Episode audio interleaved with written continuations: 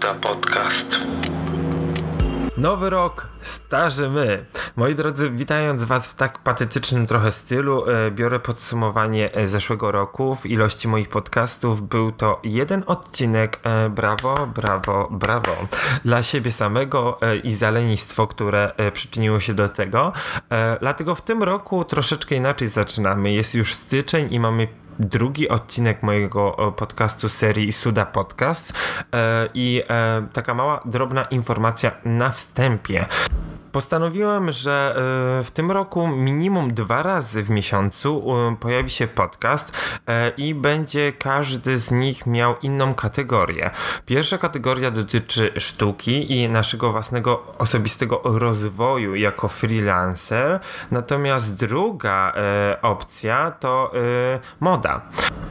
I te dwie kategorie będą mi towarzyszyć w tym roku. E, postaram się e, realizować to systematycznie.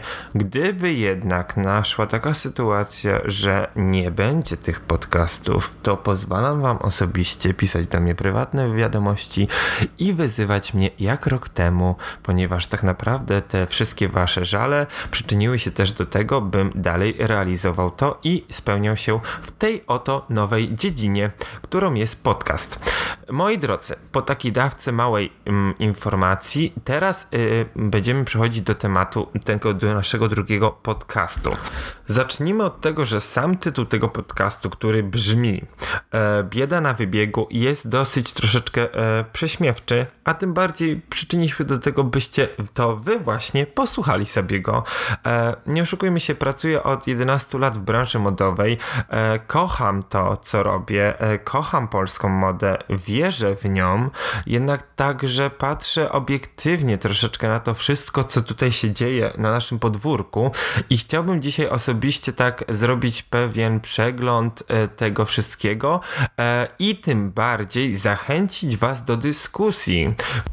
która ma szansę odbyć się e, zaraz po, po odsłuchaniu całego mojego podcastu na e, Instagramie. Zachęcam Was do udziału takiej dyskusji i pisania własnych obiektywnych opinii na ten temat, który tutaj będzie poruszany e, w komentarzach, w poście, który dotyczy tego podcastu.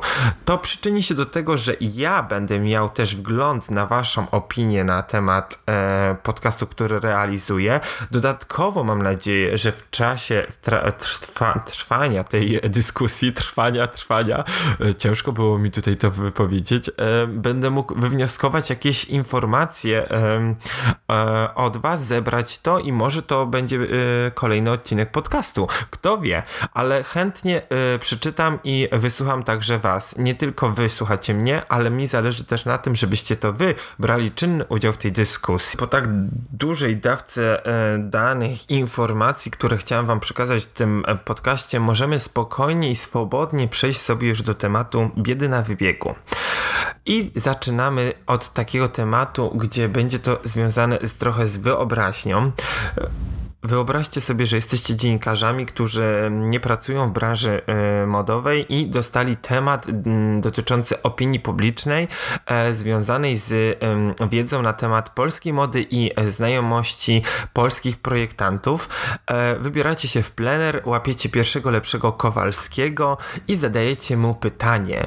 Dzień dobry, co pan sądzi na temat polskiej mody i czy zna pan jakichś polskich projektantów? Po takim trudnym dość pytaniu Kowalski na pewno się zastanowi i odpowie: Panie, taka moda to mnie nie dotyczy. A druga rzecz jest taka, że jeżeli spytamy go o polskich projektantów, to możliwe, że odpowie nam podając na przykład trzy nazwiska. Analizując taką wypowiedź, możemy stwierdzić, że e, Kowalski tak naprawdę mm, ma jakąś wiedzę na temat mody, natomiast wszystko to wynika z określonego źródła, jakim jest e, telewizja, internet, social media. Tak naprawdę e, za wiedzę troszeczkę w modzie w Polsce odpowiadają, ja osobiście tak uważam, e, media i e, dziennikarze modowi, jak i też magazyny, e, serwisy internetowe, jak i też freelancerzy, którzy między innymi promują modę poprzez kanały e, social media. To wszystko składa się na taką małą e, wiedzę ogólną o modzie, która jest przystępna dla tak zwanego zwykłego Kowalskiego. Uczepiłem się tego Kowalskiego, nie wiem dlaczego, ale no już pozostaniemy przy takim przykładzie. E, I tak naprawdę od x lat, odkąd pamiętam, a byłem jeszcze nastolatkiem, który marzył wtedy o pracy w modzie, pamiętam, że przez ten cały okres e, rozwoju mody w Polsce, w mediach, e, między innymi w magazynach, wtedy jeszcze nie tak zbytnio popularnych mm, serwisach internetowych, królowały nazwiska projektantów, którzy wtedy osiągali jakieś sukcesy, e, robili pokazy mody, robili wywiady, I tak naprawdę oni byli taką jakąś piątką nazwisk, które warto pamiętać ciągle. Wynikało to też z tego, iż oni byli w centrum e, w Warszawie. Dodatkowo kolegowali się z dziennikarzami, którzy mają dostęp do mediów e, i e, tak naprawdę to wszystko owocowało tym, że później czytaliśmy o pani X, a o paniu Z i ciągle widzieliśmy na przykład pokazy, mimo tego, że one nie były jakoś zbytnio pochlebne, to w polskiej bardziej branży pisze się często albo ogólnie, żeby nie zostać skreślonym, bądź pisze się pozytywną recenzję Mimo tego, że e, ludzie siedzący na pokazach się śmieją czasami. Były takie przykłady, ale te jednostki już dawno zgasły. Pamiętam to. E, I był taki bardzo fajny e, wywiad i was do tego mm, odnoszę, byście sobie poczytali na przykład na blogu Michała Zaczyńskiego o modzie na sukces. Takie wam daję małe drobnostki. Bardzo fajne to było, że ktoś w końcu wtedy się odważył napisać krytyczną recenzję, bo zazwyczaj na przykład daną osobę otacza dobry PR. E, dodatkowo też e, ważne jest to, byśmy pomyśleli sobie, dlaczego tak jest, bo jesteśmy w Polsce, tak naprawdę. Można się uczepić tego, że mamy taką mentalność może. Ja nie wiem, czy to też wynika z tego, że mm, być naprawdę sławnym dziennikarzem e, modowym, ale ja mówię o takich mediach zagranicznych, e, wiąże się z tym, że trzeba mieć określoną wiedzę, duże doświadczenie, e, poparte tym, że się pracowało w kilku miejscach, nie tylko wyłącznie w jednym magazynie przez cały czas, albo się przechodziło z jednego magazynu do drugiego, tylko miało się doświadczenie także od zaplecza tak zwanego modowego.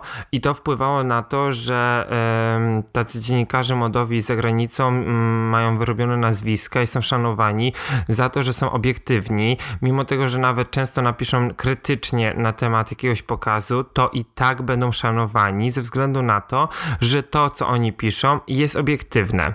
Mieliśmy kiedyś przykład w naszej branży takiego blogera, który pisał ciągle krytyczne e, recenzje pokazów. Jednak nie był on obiektywny w tym e, całkowicie, ponieważ często było tak, kiedy to jego jakaś znajoma bądź znajomy e, pokazał lookbook bądź e, zaprosił go na pokaz, to często też pisał o nich tylko i wyłącznie pozytywnie. Nigdy nie dopatrzyłem się negatywnej oceny pokazów e, w jego e, mniemaniu. I, i, i e, myślę, że to też nie był dobry kierunek w polskiej modzie, ponieważ w latach takich 90., znaczy się początku 2000 roku, nastąpił taki wielki boom na krytyków modowych. E, wtedy to też był taki mm, czas, kiedy moda e, zaczynała dopiero tak naprawdę się rozwijać. Pamiętam ten okres blogerki, szafiarki, e, wielki boom, no i oczywiście krytycy mody. No i ten jeden z krytyków często też bardzo często tylko i wyłącznie opierał swoją krytykę na jakimś takim hamskim podejściu które bawiło e, i zawsze śmieszyło, jednak no nie oszukujmy się, no nie, na dłuższą metę to nie miało szans, ponieważ no tylko i wyłącznie kierowało to się z jakimś takim sarkazmem w stosunku do twórców i rzemieślników, ale też było obiektywne w stosunku do osób, które czasami udają, że są projektantami. Jest to kolejny etap naszej rozmowy właśnie w tym kierunku, bo mm, tak naprawdę pomyślmy sobie o drugiej sytuacji. Zadaję wam pytanie. Czy znacie jakąś polską markę, która od samego początku ma określony storytelling w swojej kolekcji? Czy yy, umiecie to określić? O co mi dokładnie chodzi? Jeżeli Wam mówię o Chanel, to każdy z Was sobie dobrze zdaje z tego sprawę, że e, ta marka kojarzy się nam z Coco Chanel, z historią jej e, życia, dodatkowo z tym, jak ona powstała. Wiemy, że Coco Chanel musiała ciężko pracować, ale też nie oszukujmy się, trochę poznała też majętnych ludzi na swojej drodze życia, którzy jej w tym pomogli. I ja uważam, że nie ma nic z tym złego, natomiast jest to przykład tego, że jednak była ona stanowcza w tamtych latach, to było też bardzo odważne poniekąd też e, znamy e, dom mody Chanel ze względu na ich pokazy, na charakterystyczny tweet, który często występuje. No to jest jeden z takich przykładów. Drugi przykład, nie wiem, Alexander McQueen, bo ja podaję wam takie trywialne nazwiska, które powinniście na pewno znać wszyscy, ci, którzy nie siedzą w modzie tak głęboko, więc tutaj pomagam wam trochę zrozumieć moje pytanie. Mm, jeżeli mówimy o Aleksandrze McQueenie, no to wiemy, że przede wszystkim tutaj mamy duży wpływ nurtu artystycznego z lat, e, znaczy się z wieku XIX, jak i też mamy tutaj przykład takiego motywu Vanitas, który często występował w kolekcjach Aleksandra McQueena. On często też czerpał bardzo dużo inspiracji między innymi od malarzy flamandzkich, jak i też, e, no nie oszukujmy się, fascynował go upływający czas i śmierć. I to są takie mm, momenty, gdzie możemy sobie powiedzieć o określonej marce i dobrze zdajemy sobie sprawę z tego, do jakiego klienta ona jest skierowana i tym samym też e, czym ona się charakteryzuje. Natomiast jeżeli ja teraz zadam to pytanie po raz ponowny dla Was, czy znacie jakąś polską markę, ale tu w szczególności chodzi o projektantów mody, e, która ma jakiś background, która ma jakiś storytelling, czy coś na ten temat wiecie? No nie, ponieważ u nas jest często tak, że e, projektanci w tym przypadku e, co sezon pokazują albo to samo, co nie jest bardzo jakoś oryginalne, albo często też co sezon starają się nas zaskoczyć czymś nowym, jakimś nowym stylem, nowym charakterem i nie jest to jakoś tak spójne z nimi i nigdy nie wiadomo co zrobią, czyli tak naprawdę idziemy na pokaz sobie e, z taką trochę pewną dozą e, niepewności, e, niespodzianki, no czuję się czasami jakbym szedł na urodziny. Nie wiem co mnie czeka, czy poznam tam fajnych ludzi, a dodatkowo czy te prezenty, które będą na wybiegu będą jednak trafione. E, no i tutaj jest taki przykład tego, że ja nie wiem, z czego to wynika. E, obserwując e, pokazy mody i, wyjeżdżając między innymi na Fashion Weeki, zawsze widziałem te młode pokolenie, które mnie fascynuje, ponieważ widzę w nich jakiś taki mm, zalążek tego, że oni chcą tworzyć tą markę od podstaw, być wierni swoim przekonaniom i między innymi e, odzwierciedla to się w ich pracy e, i w kolekcjach. E, I często jest tak, że ci młodzi ludzie na początku projektują to, co czują. I to jest super. Naprawdę. I e, to jest taki fajny etap rozwoju, ja uważam osobiście, który ma ewoluować później w kolekcje, które muszą być komercyjne, bądź posiadać przynajmniej 70% e, sylwetek, które będą do sprzedaży przeznaczone i na pewno zostaną przez kogoś kupione.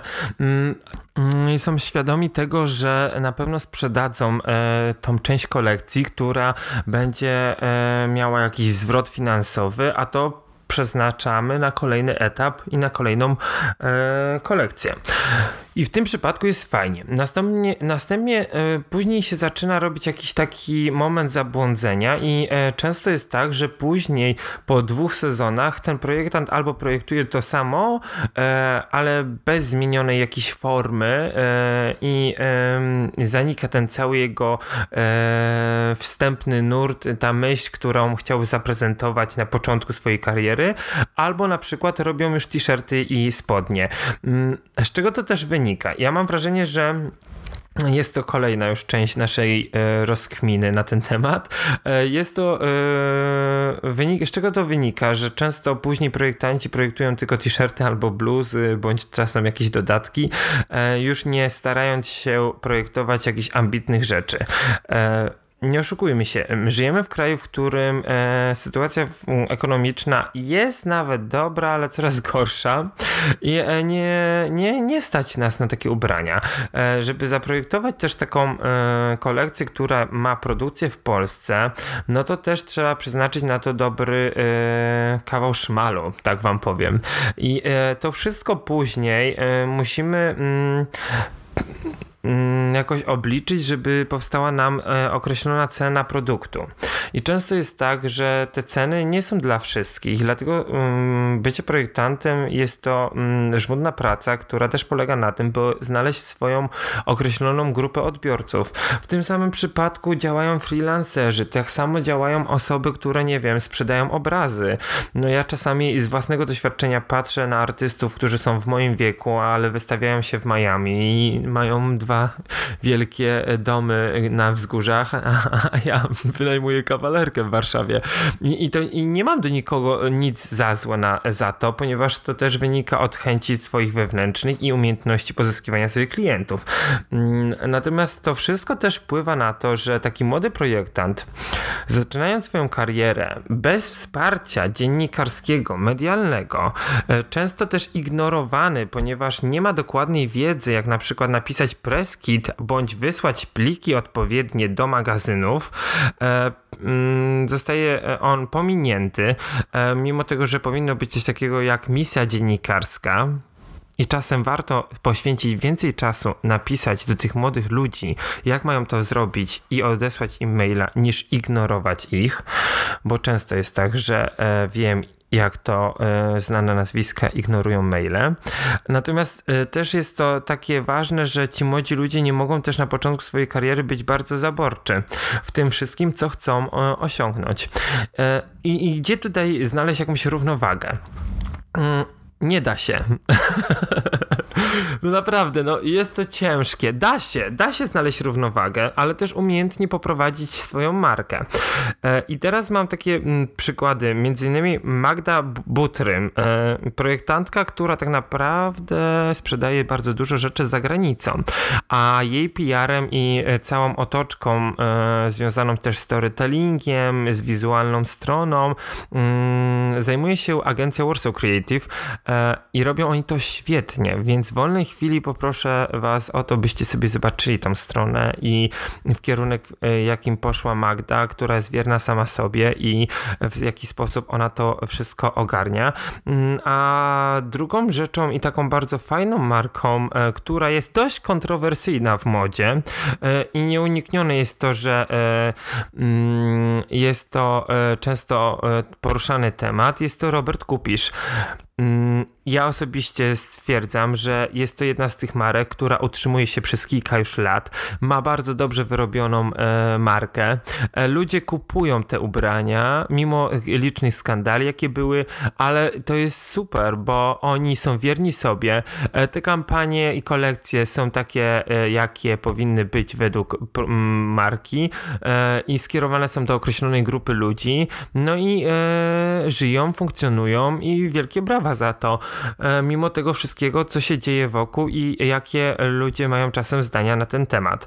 Mm, a dodatkowo też myślę sobie o takich mm, markach mm, polskich i no i ciężko mi samemu osobiście powiedzieć o tym. Na przykład brakuje nam takiego projektanta, który by projektował dla modę męską, ale odważną, ale podejmując temat mody rozważnej, e, znaczy się odważnej, nie rozważnej, właśnie w tym przeciwnym kierunku, żeby pójść, to jest ciężko, ponieważ też e, no, musimy znaleźć określoną e, grupę konsumentów, a ich jest mało w Polsce. No Polacy boją się stroju, boją się ubierać. E, mam wrażenie, że właśnie często jest tak, że większość z tych wszystkich ludzi, którzy idą w tym kierunku, e, chcą po prostu tylko i wyłącznie e, wyglądać poprawnie.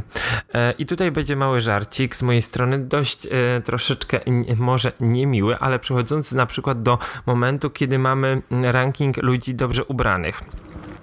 Często występuje to w mediach. Rankingi e, podsumowujące styl wybranych postaci. Często to są prezenterzy telewizyjni, jak i też aktorzy. Jak ja bym mógł e, określić taki styl, to e, często patrzę na nich i sobie myślę, Boże, no przecież to jest jedno pudełko. Nudni, poprawni, nic oryginalnego, zawsze takie krypto, wszystko heteronormatywne. I mi się to tak strasznie nie podoba, ale ja wiem, że to jest określone między innymi tym, że oni często często pracując w mediach, muszą mm, być taką postacią, która e, przybiera taki, a nie inny wizerunek, ale często też zapominają później o sobie, że poza e, programami, jakie oni prowadzą bądź występują w serialach, mogą się ubierać jak chcą. I są bardzo, bardzo małe jednostki, które potrafią jakoś się ubrać, ale oni nie będą brani pod uwagę, bo zazwyczaj w rankingach dobrze ubranych ludzi bądź e, rankingach dobrze ubranych znanych osobistości mody, e, brani są pod uwagę ludzie, którzy albo mieli dobre kontrakty w tym roku z danymi firmami, albo byli sponsorowani, albo po prostu są znajomymi znajomych. No i w tym przypadku jakim tu być obiektywnym? I taka pani Zosia, która robi obiad dla siedmiorga dzieci w jakimś tam małym miasteczku, czyta sobie taką gazetę i sobie myśli, a Józek patrz,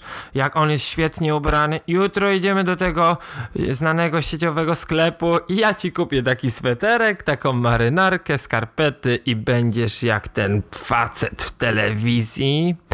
No i powstanie ósme dziecko wtedy. No i, ale ja nic nie mam do tego akurat, żeby nie było, że tutaj pokazuję jakiś przykład rodziny i się z tego śmieję, bo um, ja sam pochodzę z dużej rodziny. Natomiast tutaj taki przykład myślenia chcę wam uświadomić, jak to wynika. To wszystko, jaki to ma um, później za sobą, jaki to ciągnie, takie na przykład określenie danej osoby, jaka jest dobrze ubrana, osiągnie, e, ciągnie za sobą konsekwencje. Aż się zaplątałem z tego wszystkiego, co już miałem wam mówić.